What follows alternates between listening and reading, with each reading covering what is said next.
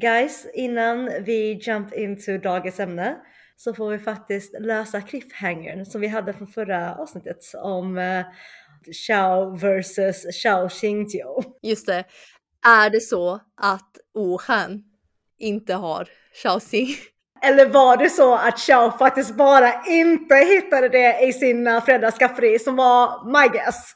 Visst, jag smsade mamma och var helt säker på att jag hade helt rätt och bara okej okay, mamma, det är en sån här grej som vi pratar om i podden. Chow sås. Har du någonsin hört talas om det? Hon bara eh, ja, det står en flaska här bredvid mig i skafferiet. 1-0, eller vad man kan säga. Jag måste bara rätta dig, Chow, det är inte en sås. Det är ett vin. Okej. Okay. 2-0 till Xiaoxin och 0 till Xiao. Även när jag ser så här bilder på flaskan, mamma bara här. Jag bara aldrig sett den.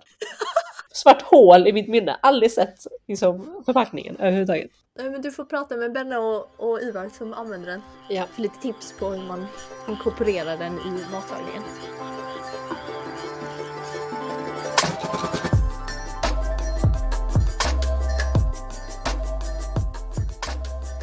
Är du lite förkyld Chao? Svar är ja.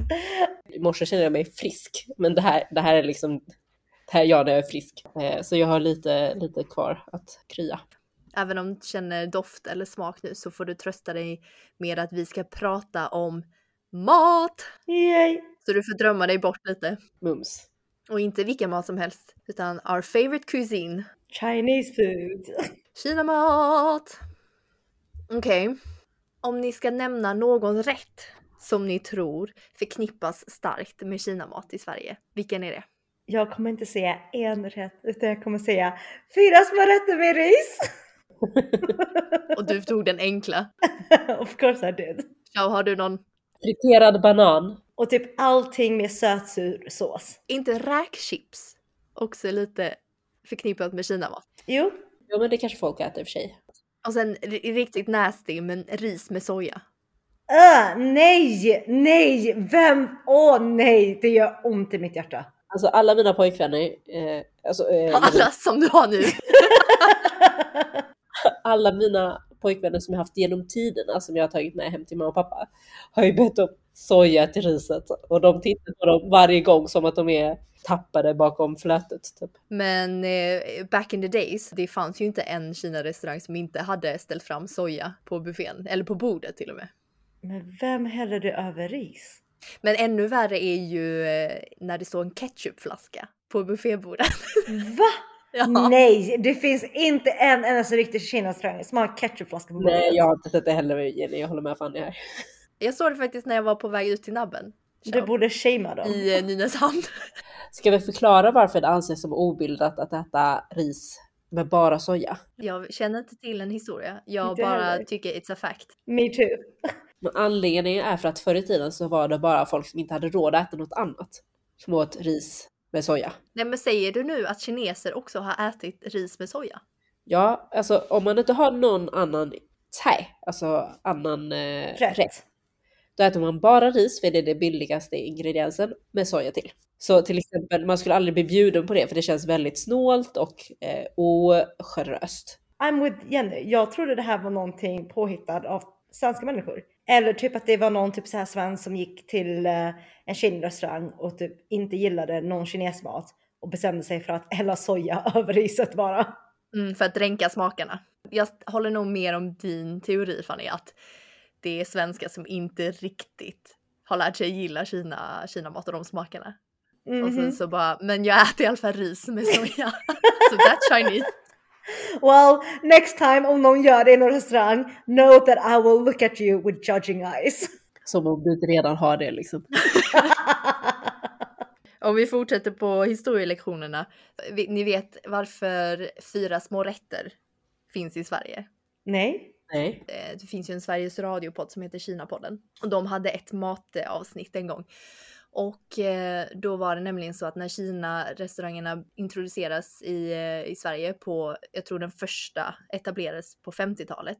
Då var det så att den svenska matkulturen är väldigt mycket att du beställer och får in din rätt som du äter och inte delar med någon annan. Mm. Medan Kina-mat som ni vet, det är ju det är ju en fest. Man beställer in alla rätterna och alla äter och delar på allt. Mhm. För att anpassa sig till den svenska matkulturen eh, så kom man då på att man skulle ha en rätt som bestod av fyra små olika rätter. Alltså kan jag bara säga hur entreprenörligt och innovativt det där var. Good for them! Det är lite tallriksmodellen tänk.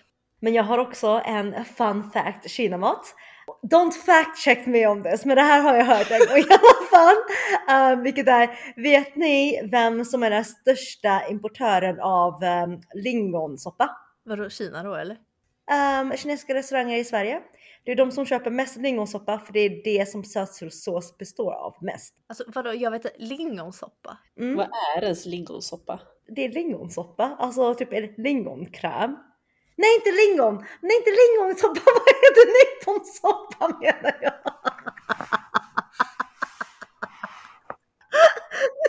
Nyponsoppa, inte lingonsoppa! Alltså jag och Jenny så här två stora frågetecken. Det är bra att du fact-checkar dig själv i IRL Fanny. Åh gud! Nej men nyponsoppa, det är det som sötsursås består mest av. Vilket det också är varför det inte är så himla stort utanför Sverige. Det är ju stort i typ USA, Sweet Jag tänker Sour. också det. Men de kanske använder en annan bas än nyponsoppa. Här podden om så här matskrönor. Different food related facts that are not true. This is how gossiping starts. Ja, verkligen. Och stereotyper. Men ehm, tycker ni att begreppet Kinamat har förändrats över tid i Sverige? Absolut. Jag bara ställa en fråga. Heter det Kina-mat? Jag säger Kinamat. Det heter väl egentligen kinesisk mat, men i folkmun heter det väl Kinamat. Alltså för Kina-mat får, får ju eh, lite så här rasistisk alltså, konnotation hos mig. Det är som att säga så här Italien-mat. Jag förstår vad du menar. För att det heter ju Kina-restaurang.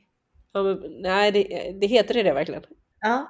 Kina-restaurang, Japan-restaurang, Italien-restaurang, Grek-restaurang. Det stämmer inte.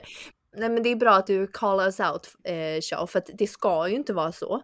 Men det är liksom etablerat Kinamat, Kina-restaurang. Jag, eh, I'm with Jenny. Men du har rätt i att det inte är grammatiskt korrekt. Det kanske var någon kines som myntade det. Roligt också, om man söker på det så är det typ ett ord. Det låter jättekonstigt. Men fast jag tycker inte det låter konstigt. Jag har aldrig säger tänkt på det. Så. Har du inte sagt det Xiao? Vad har du sagt? Kinesisk mat, kinesisk restaurang. Alltså bara Xiao är så grammatiskt korrekt. Men i alla fall, Kinamat. Utvecklingen. Eller kinesisk mat? kinesisk mat. Um, där tycker jag ändå att man har gjort en ganska stor utveckling de senaste decennierna. Uh, om, om du tänker på när vi var yngre. Det fanns ju väldigt få uh, kinesiska restauranger som serverade riktig ki- kinamat. Och då menar du typ ki- kinesisk mat som man kan få hemma? Ja, men exakt. Mm. Alltså det som jag kan störa mig lite på, när, när man säger ja men vad är kinamat? Och det kan ju vara liksom eh, hundra olika saker baserat på vilken provins, vilken specialitet och var liksom maten är ifrån. Medan här för 20 år sedan så var det typ bara men friterad kyckling med sötsursås och typ eh, friterade nudlar som folk refererade till som kinamat. Eh, medan nu för tiden börjar man verkligen uppskatta de olika sorters eh, kinamat som Sichuan, Pekinganka, hotpot och man börjar äta mycket mer autentisk och differentierad kinesisk mat. Mm. Håller med. Jag skulle säga att det är en väldigt ny förändring för att till och med när jag flyttade upp till Stockholm för tio år sedan. Alltså det var i Stockholm för första gången som jag åt autentisk kinesisk mat. Sichuan köket var det då. Men det fanns ju inte i Skåne då, för tio år sedan. Jag tycker också i, i Skåne under den tiden som vi alla eh, bodde där, då, då känns det som att det fanns här asiatiska restauranger eh, som kanske brandade sig själv som en kinesisk krog, eh, Mm. men som serverade så här, asiatisk lunchbuffé med Mm. allt från sushi till, till pad thai till, eh, till liksom kyckling, eh, kycklingwok. Mm. Alltså vissa av de här fyra små rätterna kändes ju ändå relativt autentiska. Som så här, oftast fanns det någon biff wok som så här, skulle kunna vara Uh, håller inte med. Alltså autentiskt som är, ja vi äter biffwok i Kina men smakerna är helt annorlunda. Uh, okay. Det finns ju typ inga kryddor i den här biffwoken förutom typ lite lökpulver. Nej men det är sant, okej. Okay. Alla, alla de här fyra små rätterna smakar ju likadant oavsett Exakt. om man satt på biff, kyckling eller räkor. Och all smak var ju på något sätt catered to utländska människor. Uh, det var ju liksom inte för kineser och det är det som jag tycker är så spännande nu för tiden. Uh, på alla, nästan alla Kina-restauranger som jag besöker så har de en svensk meny och en kinesisk meny. Är det sant? Mm. mm. Så är det. Och du jag har aldrig fått kinesiska menyer. Nej, men Xiao, du måste ju be om den. Exakt! Alltså Xiao är för svensk för att få den kinesiska menyn på Kina-restauranger. De ser liksom att jag har så mycket fördomar om dem så att det går inte. Men jag tror att de kanske inte eh, antar att du är kines. Men du säger också så många fördomar om dem. Alltså det är ju med oss Xiao! Du är ju en av oss! Nej, jag känner att jag blir dömd här som, som svensk. Så att jag känner... Har någon tillhörighet med, med dem. med, med dem, de andra. Jag tycker också eh, som du kör att det har verkligen skett en boom de senaste åren bara. Och parallellt som det poppar upp så här premiumkrogar som till exempel är specialiserade på Sichuan-mat mm. eller mm. kantonesiskt eller mm. så eh, tycker jag också att det har dykt upp matinfluencers som mm. specialiserar sig på kinesisk mat. Mm. Som eh, både är från Kina eh, eller har någon koppling till Kina eller helt enkelt är intresserade av det köket. Och tycker också att det finns en helt annan tillgänglighet i livsmedelsbutikerna. Absolut, gud ja.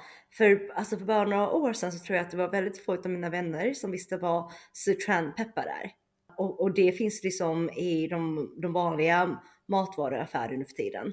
Uh, och du har ju väldigt många olika kinesiska kryddor som finns lite överallt. Typ five spices och olika sorters soja, laogama som är den här chilioljan har ju blivit en... Den finns på Willys. Exactly, så att, så att det börjar bli mycket, mycket mer diverse och mycket mer inkluderande uh, med vår matkultur förutom bara liksom soja och vinäger. Så det är ju superroligt. Det har varit en trend de senaste åren på ganska fina krogar att man delar på små rätter. Mm. Även på kök som inte är kinesiskt då. Mm. Tror ni det är en influens från Kina eller tror ni det också är, för även i Italien så är det ju inte ovanligt att man beställer in liksom en stor pasta som alla delar på till exempel. När jag tänker på det så tänker jag mycket på spansk tapas. Mm, jag med. Mm. Men det, det, är en bra poäng Xiao, för det har säkert gynnat Kina-maten. För att, eh, eller det, det är nu blir en mindfuck när jag ska säga Kina. Jag bara no! Det är som att Xiao bara sitter där och bara... Nej, men det här liksom mellanrätts...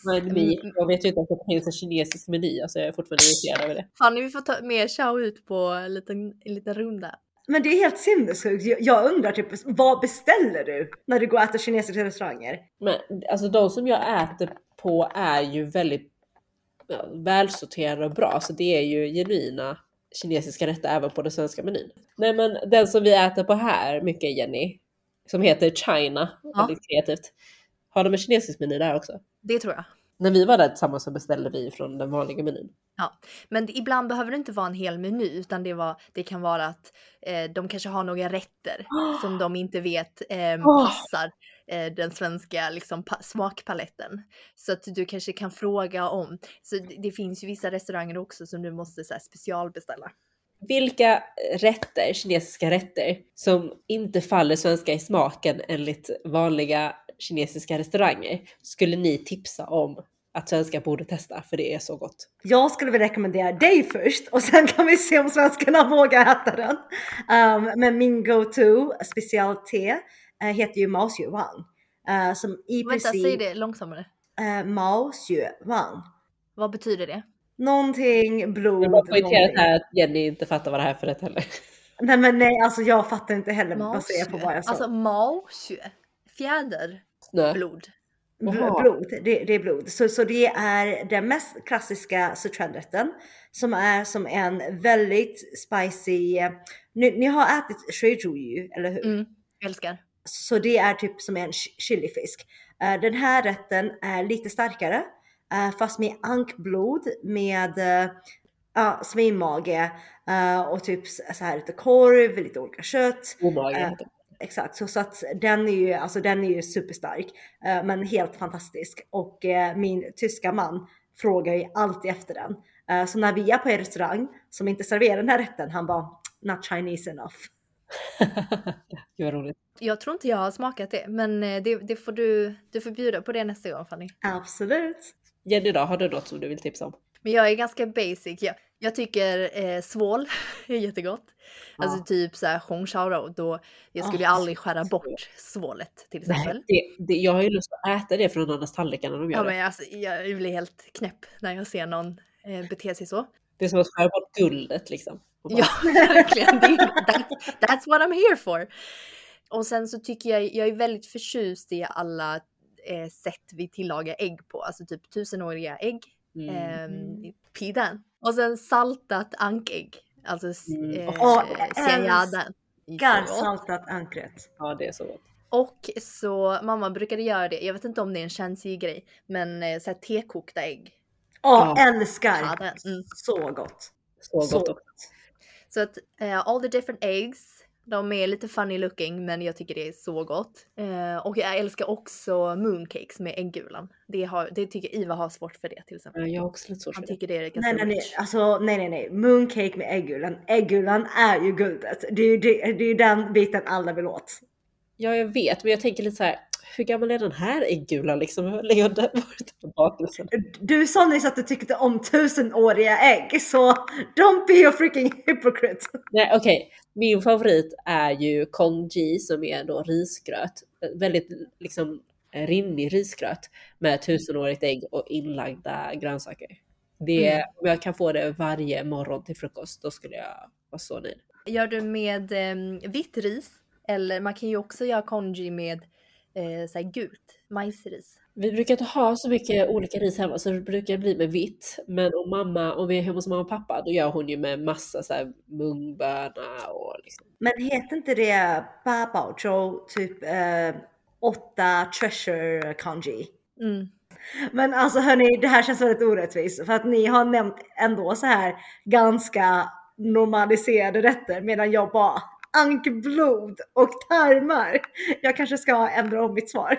Jag tycker också om, apropå eh, svål, jag tycker jättemycket om brosk i kinesisk mat. Det är så gott. Yeah. Alltså, mm. En typ pumpasoppa eller en eh, nangua. Det är ju också pumpa. någon pumpa. Det är nog också pumpa. Mm. Okay.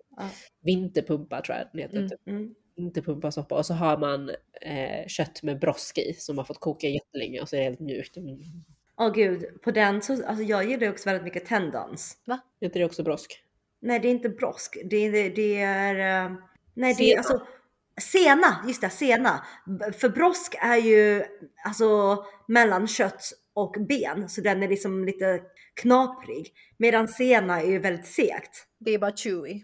Exakt, det är mm. väldigt chewy. Um, det gillar jag väldigt, väldigt mycket. Det här är också väldigt kinesiskt. Jag gillar kött som rör sig. Alltså inte som rör sig, men om du tänker på ett djur.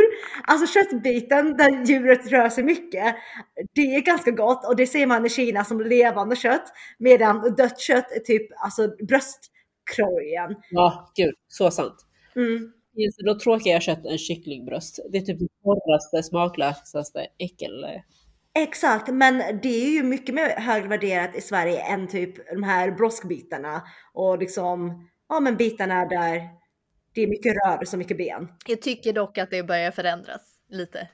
Att man också inser att det, det godaste kanske är det som ligger närmst benet och, och, och, och svålet. Men, men, men the Chinese were first.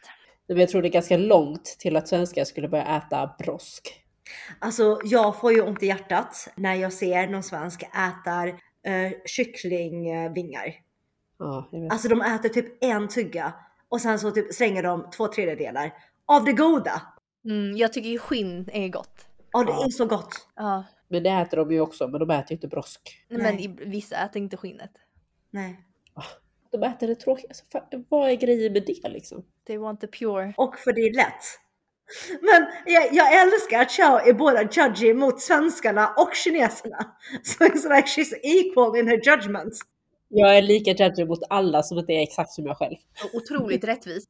Om ni skulle ge ett tips till eh, svenskar, svenskar som att vi inte är svenskar, till andra som, i det här avlånga landet om eh, en grej att inkludera i sitt eh, skafferi eller någonting för att, för att ta den kinesiska matlagningen till nästa nivå. Alltså, laga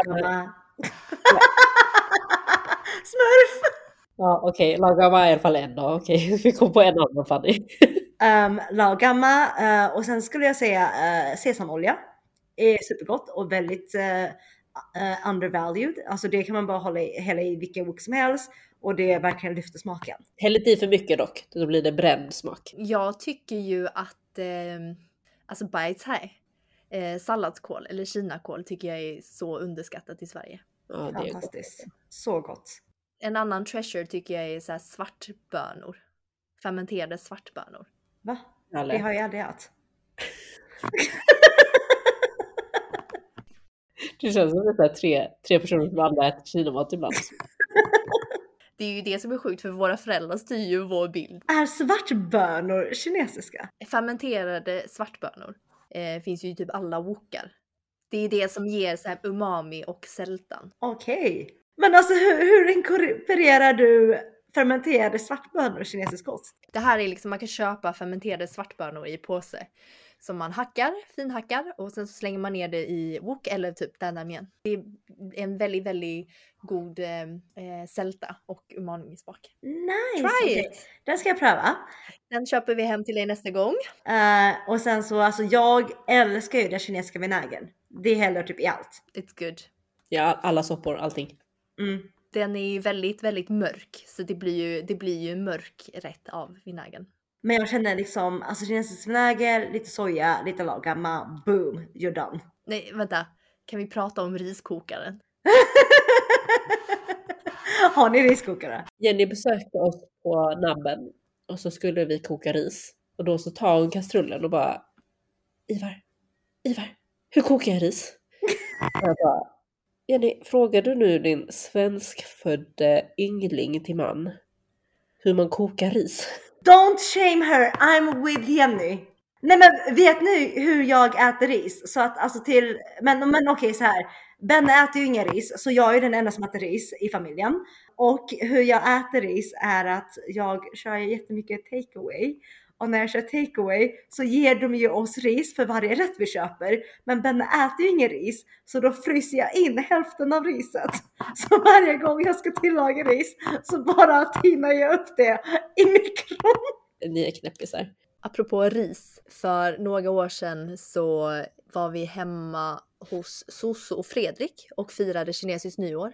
Ciao, du var där. Eh, jag var faktiskt där med min lillebror också och sen så var det no några andra till. Vi var ett ganska stort gäng och eh, vi hade delat upp ganska noggrant inför middagen. I eh, äkta Chinese style så var det knytkalas.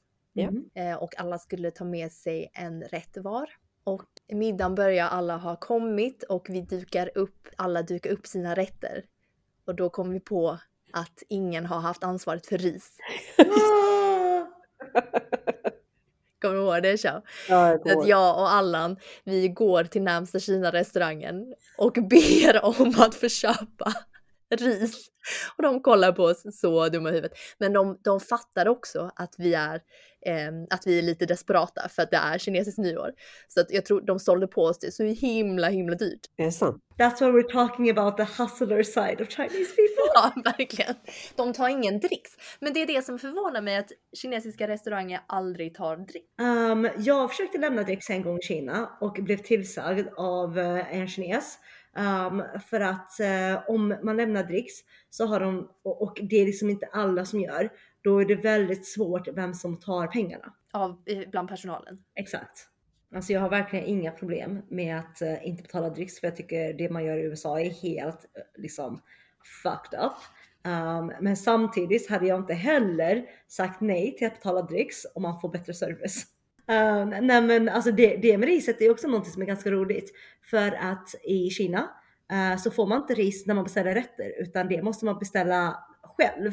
Uh, och det som jag tyckte var jättekonstigt var att oftast så fick du in rätterna först och sen får du in typ riset och man bara but why? Eh, och tydligen är det för att det ska bara fylla upp och man är fortfarande hungrig efter resten. Exakt, det är ganska rikt beteende för att ris är egentligen det billigaste om man tänker på det. Att liksom då hade man ju blivit mätt så mycket tidigare om man hade börjat med det. Alltså tänk på den här lilla stackars mannen som äter då ris med soja. Då får man typ dricka soja innan riset kommer. När, när jag och eh, min lillebror när vi var yngre och i Kina, då fick ju alltid typ farfar säga ja, xian shang mi fan. För att de, de lärde sig att eh, vi hade lite andra preferenser. Så att vad de sa då att ja, men, eh, att servera riset först till de här två de här två bönderna. Bönderna, utlänningarna. Stupids som inte uppskattar allt det goda. Men eh, lagar ni mycket kinamat? Jag har börjat göra det nu. I, under corona. Räknas snabbnudlar?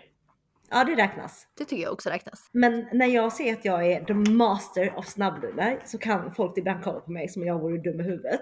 Uh, men alltså man kan verkligen alltså mästra hur man gör goda snabbnudlar. Man kan ju också köpa jättegoda snabbnudlar om man går till, det finns inte på ICA än. Riktigt goda snabbnudlar. Mm, nej. Och då, och då är mitt tips. Så jag brukar koka upp nudlarna och så häller jag av vattnet för att det vattnet har konserveringsmedlet. Uh, och sen så kokar jag upp en annan gryta och lägger in såserna. Uh, och sen så knäcker jag alltid in ett ägg. Uh, och lägger in lite extra chiliolja um, och typ vinäger exakt och lite så salladsblad och så låter jag det koka upp. Lägger in nudlarna, blandar runt, häller upp och sen så alltid lite koriander på. Lyxigt Fanny! Ja. Mm -hmm. Alltså gud, jag blir jättesugen på det nu. även om, alltså, men jag tycker nudlar, alltså det kan jag, jag kan äta det när som helst. Jag även om jag är mätt. Ja, det kan bara liksom slurpa, jag kan bara slurpa ner det. Men den här frågan då, om ni bara skulle få äta en Kina-rätt dag ut och dag in, vilken skulle det vara? Nudelsoppa. ja, 100%! Nej, jag skulle nog välja typ fried rice. What? Det är changhua.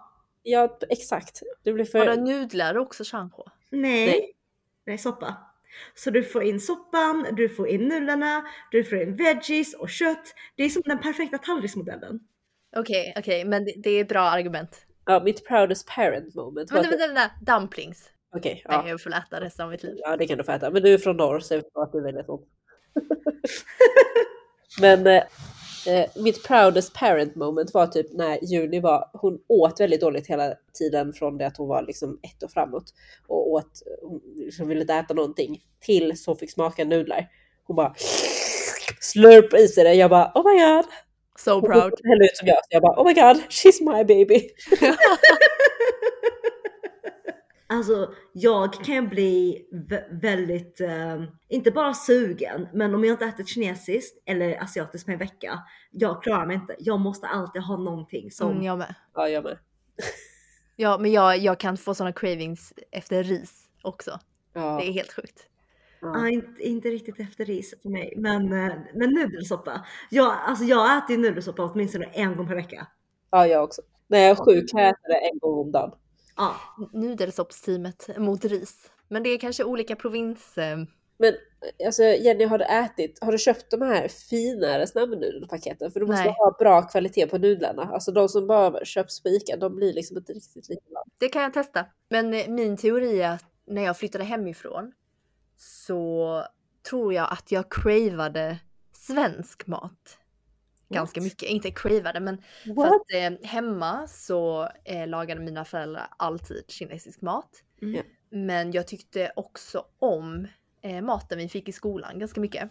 Mm. Det kanske är eh, mig. Ja, men jag åt mig liksom aldrig mätt på svensk mat för att vi aldrig fick det eh, hemma. Mm. Men också kanske för att man faktiskt gick eh, hade lektioner i så hemkunskap och så och man lärde sig ju mer hur man lagar svensk mat. Det var ju, man fick ju aldrig lära sig hur man lagar asiatiskt på hemkunskapen back in the days. Eh, så att det låg närmare till hands att eh, laga svensk mat och liksom förstå svenska recept. Och kan vi prata om att det är inte så lätt att lära sig kinesiska recept för att föräldrarna bara säger eh, ja men ta lite sån här och ta lite sån här och, och ta sån här om du har. Ta en kopp, en kopp, en kopp.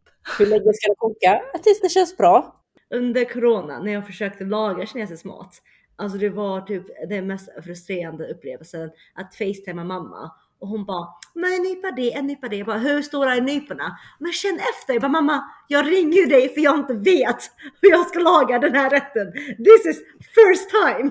Nej, jag tycker inte det är jättekonstigt att man aldrig har lärt sig några, några kinesiska recept. En annan grej som jag tror så här, växa upp med kinesisk mat och eh, kinesiska smaker har gett mig att jag, jag känner att jag har mycket bredare smakpalett. Eller jag har en mycket, eh, jag är mycket mer öppensinnad för andra smakkombinationer än vad svenskar har. Men gud ja, alltså absolut. Prata med tjejen som åt färsk vitlök vid ålder åtta eh, när vi åt dumplings. Så att... Jag vet inte vad det är, men det, man har ju inte lika fasta normer kring vad som passar ihop med vad i Kina i maten. Nej. Alltså så länge det är gott så, bland, så äter man det ju. Det tycker jag man märker också när vi har våra stora bjudningar nu med föräldrarna. För då kan det också ibland vara knytkalas och då är det inslag av västländsk mat också. Och då är det ju verkligen så här oxfilé tillsammans med eh, lax, tillsammans med räkor, svenska rätter liksom. Tillsammans Verkligen. med korv. Verkligen.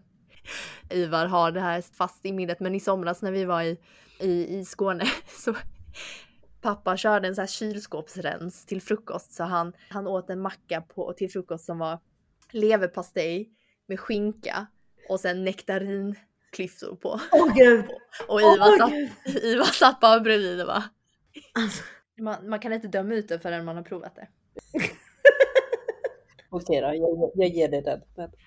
Det är också roligt med vissa råvaror som man aldrig lärt sig svenska namnet på. Har ni tänkt på det? Oh. Nej men typ när man, när man var yngre och bodde hemma. Uh. Och sen så presenterade ju föräldrar, sa ju föräldrarna alltid vad man skulle äta men på kinesiska. Uh. Alltså typ båtsai. Jag är aldrig... Ja spenat! Ja exakt men då jag levde ju säkert 20 år innan jag faktiskt förstod att båtsai är spenat.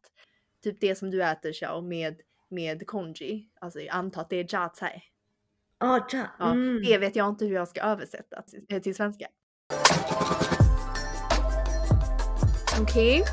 ska jag köra mina fem food related snabba? Yes please. Okej, okay. och då är det alltså fem saker som ni ska ta ställning till.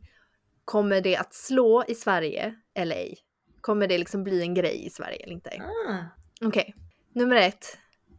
Färdigblandad dumplingsås på flaska. Ja! Ja. 100 procent. Alltså, finns det redan? Det finns, men tror ni det kommer bli household? Jag hoppas det. Eller beror på, jag, jag, har aldrig, jag, jag har aldrig smakat, vad är den dumplingsåsen? Jag gör min egen. Eh, den är ganska söt. Jag tror den saknar vinäger faktiskt. Jag tror det är sesamolja och... Eh, eh... Nej, alltså okej, okay, okej, okay, okej. Okay. Ska vi snacka om vad folk doppar dumplings i? Alltså svenska... Nu säger jag svenska som att de är... Men de doppar ju dumplings i soja. Bara. Alltså. Ja, så tråkigt. Så tråkigt. Det är liksom, om man ska välja en enda sås då är det ju kinesisk vinäger. Vinäger, ja. Väljer man två ska man ta vinäger och soja. Men man skulle aldrig ta bara soja. Äh, vinäger och chiliolja skulle jag säga. Jag såg på Fanny att hon inte höll med sig. Nej, nej. Om man, om man doppar det i soja så innebär det ju att uh, den här blandningen uh, i dumplingsen inte är tillräckligt bra. För den i sig själv ska ju kunna smaka liksom full. Ja, men det är inte vinäger då, för det vill man ha till. Ja, du, du lägger ju inte någonting som är surt i, uh, i dumplinginnehållet. Så det är därför du vill ha vinäger till. Ja. Mm. Så okej, okay, um, I'm on the fence depending on hur den här såsen smakar. Men jag tycker definitivt att man borde ha en sås som smakar bättre än soja för dumplingsen. Men, men okej, okay, kan, kan jag liksom bara rekommendera våra vänner eller lyssnare att göra dumplingsåsen? Okej, okay, ha, ha typ halva måttet vinäger, halva soja. Uh, nej, det, det, här går ju inte. Nu måste jag tänka på andelar. Men typ en sked soja, en sked vinäger. Uh, det var föräldrar. Lite soja, lite vinäger. nu fattar jag. Ja, det det här blir så här, jag bara matte, bråk, hur ska jag bryta ner det här? Men i alla fall, en matsked vinäger, en matsked soja, en matsked um, hackad koriander, um, en liten chili, lite chilisås, lite typ en tesked ostronsås och lite sesamolja. Oj, advanced. Men Fanny, menar du då kinesisk mörk soja eller ljus soja? Nej, man menar aldrig mörk soja om man säger mörk soja. Det är alltid ljus soja. Got it. Ciao, vad är din dumplingsås eh, of preference? Ja, men den är ganska lik Fanny skulle jag säga. Men jag skulle ha eh, mer chili, inte chiliolja utan jag skulle ha lagama och sen eh, eh, eh, lite mindre eh, soja, typ hälften så mycket soja. Så att den är lite surare. Vad dina Jenny? Min är ganska basic. Ja. Skäms lite nu. Men jag brukar äta bara med soja och vinäger. Men liksom större andel vinäger. Men eh, lite sesamolja och sen så när naiva är med då blir det ju, då blir det ju liksom flera lager. Men om jag skulle välja själv. Nästa Chinese thing. Tror ni den kommer slå i Sverige eller inte? Baitozi godis. Ja, men den har ju slått i USA redan. Det är sant? Ja! Märket är alltså White Rabbit Candy. Alltså det är ju staple candy. Var det det enda godiset som fanns i Kina när vi var små? In, inte det enda, men typ det största. Absolut. Jag kan på ett annat godis. Det fanns ju så här geléer typ. Ja. Ja, just det. Det fanns också mycket så här so, alltså lite så här kex. Ja. Kexiga. Ja, det som var att köpa typ som lösgodis, då fanns det bara den. men alltså tänk det här är också kommunist-Kina som inte hade så mycket annat. Men kan någon förklara eh, vad Baitozi godis är? Men alltså det är väl en sorts cola som inte riktigt smakar cola utan alltså det är en toffee liksom. Det smakar bara vanilj väl eller? Alltså det, är, det är typ lite mer mjölk. Ja, Ja, jag skulle säga att det är ett mjölkgodis. Ja, men lite mjölkigt, väldigt sött eh, toffee-känsla som heter White Rabbit och det är ju den mest kända godisen från Kina. Det var en jättestor glassaffär i LA som körde White Rabbit smak och blev stämda av White Rabbit för att eh, de inte hade fått deras eh, permission och whatever. Eh, men i USA är det ganska stort. Det finns typ White Rabbit Bubble Tea. Men grejen med White Rabbit Candy är ju också att förutom inslagspappret så är det ju också ett tunt, tunt eh, lager av ri, ri, rispapper. rispapper utanför ja. eh, eh, godiset. Som det går ju typ inte att ta bort det. Ja, det, ska, alltså den smälter ju på tungan. Jag vet, men fattar ni hur mycket jag kämpade när jag var liten med att få bort det? Va? Det kändes bara så fel att, att äta pappret. Jag har bara ätit det direkt. Samma här, inte ens tänkt. Okej, okay, it's just me. Va, vad sa vi då om Baitose? Ja, tror jag. Okej, okay, det är ju för att Sverige har redan jättebra godis. Men jag tror om det är något godis som slår igenom från Kina så är det White Rabbit. Mm, det var ett bra svar. De borde egentligen teama upp med Arla. Made by Swedish Milk. Nästa grej har vi, har vi redan kommit in på lite eh, idag.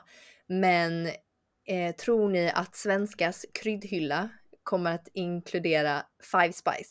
Nej. Alltså gud vad du är pessimistisk. Nej men jag har inte ens själv det hemma. Nu, nu. Okej, okay. fair point. Jag har inte heller det. Jag har inte heller det. Det är väl liksom en blandning av fem jättevanliga kryddor. Ja, alltså jag tänker att vi är så avancerade att vi bara använder kryddorna var för sig. Ja, ah, det är därför. Exakt, alltså det är ju typ, jag vet inte ens vad som är. Typ såhär, cumin, definitivt. Ja, gissa då. Ja, så uh, kummin, ingefära, vitlök. Typ någon peppar, alltså inte Sichuan men... Uh... Vanlig peppar. Och sen så kanske... Okej, okay. vill ni höra svaret? Ja. Det heter alltså O-xiangfen. Ja, O-xiangfen. Mm. Det sa jag med jättemycket självförtroende. Kryddblandningen innehåller de fem grundsmakerna sött, surt, salt, bittert och umami. Oh, oh, oh, oh, oh, vänta, vänta. Så då måste det finnas typ socker i? Nej. Men vadå, det är sött? Mm, men nu får du inte revidera ditt svar. Okej, okay, okej. Okay. Så de fem kryddorna är stjärnanis, oh! fänkål. Fänkål? Mm. Sen stämmer det med sichuanpeppar. Det sa vi inte. Det sa du? Du sa ju sichuan. Okej. Okay. Kryddnejlika. Kryddnejlika, är inte det jättesvenskt? Jo, jag tänkte också det. Och kanel faktiskt. Kanel? Vad är min kumin? Alltså vad, vad är det här? Kumin tror jag smakar för, för taco. för att man ska ha det. Men kanel? När använder kineser kanel? Men det är det som är sött. Men Shadi, alltså pappas eh, fru, använder kanel väldigt mycket. Va? Mm. Men alltså och nejlik, alltså gud det, det där kändes typ som typ svenska kryddblandningen. Jag tror, men det kan inte vara att så här, oceanfen är att så här, alla andra kryddor är så vanliga att du blandar i dem separat. Men det här är liksom lite piff. Intressant. Ja, men uh, okej, okay, coolt. Men okej, okay, nästa, nästa grej är lite special. Vad tror ni då om stinky tofu? Nej. 100% no. Men tror ni inte det kommer vara en grej som man äter surströmming? Man bara, Nej. oh it's a thing. Alltså inte ens surströmming is a thing. Nej, och jag äter inte heller stinky tofu. No, me neither. Allt som jag inte ätit tror jag att jag kommer slå. alltså, love it! So full of yourself. Du är liksom the guard, the keeper of Yep. Chinese food i Sverige. Okej, men den här då, det är inte riktigt food. Men vad tror ni om baijiu? Ew, no! Det, alltså det luktar som typ svettiga fötter. Alltså baijiu är alltså en, en kinesisk eh, stark sprit. Alltså det luktar ju ri- risvin också. Det luktar ju ris. Fast Nej. Det luktar typ svett. Okej, nu ska jag säga att jag inte tycker att så många alkohol, eh, vad heter det, så många Alkoholsorter. alkoholsorter luktar gott. Men alltså baijiu är nog det typ vidrigaste doften av dem alla. Baijiu luktar bara så här, uh, så man får ett slag i ansiktet. Det är kanske det som är meningen. Jag tror helhjärtat att baijiu kommer att eh, ta sig hit. Va? Mm. Varför det? För att det är en kul grej. Ja men, men, men där kan jag också säga att vi har tillräckligt många spritsorter i Sverige. Men om det är någonting som skulle get their way from China så är det väl baijiu för det är typ Um, oh, det här är också fun fact som är faktiskt riktigt, tror jag. Um, men Mao Tai är det enda som säljs dyrare i Kina än vad det görs utomlands. Som är producerat i Kina. Det är väl jättedyrt. Vad kostar en flaska? Ganska mycket. Det kostar otroligt. Xiao, en sån ska du köpa för att komplettera din crazy rich asian look. Har redan en sån. Du bara drack den igår till söndagsmiddagen. Okej, det var de the, the fives. Great job. Vi ska wrap it up. Let's wrap up. Fundera på att gå och köpa lite nudelsoppa.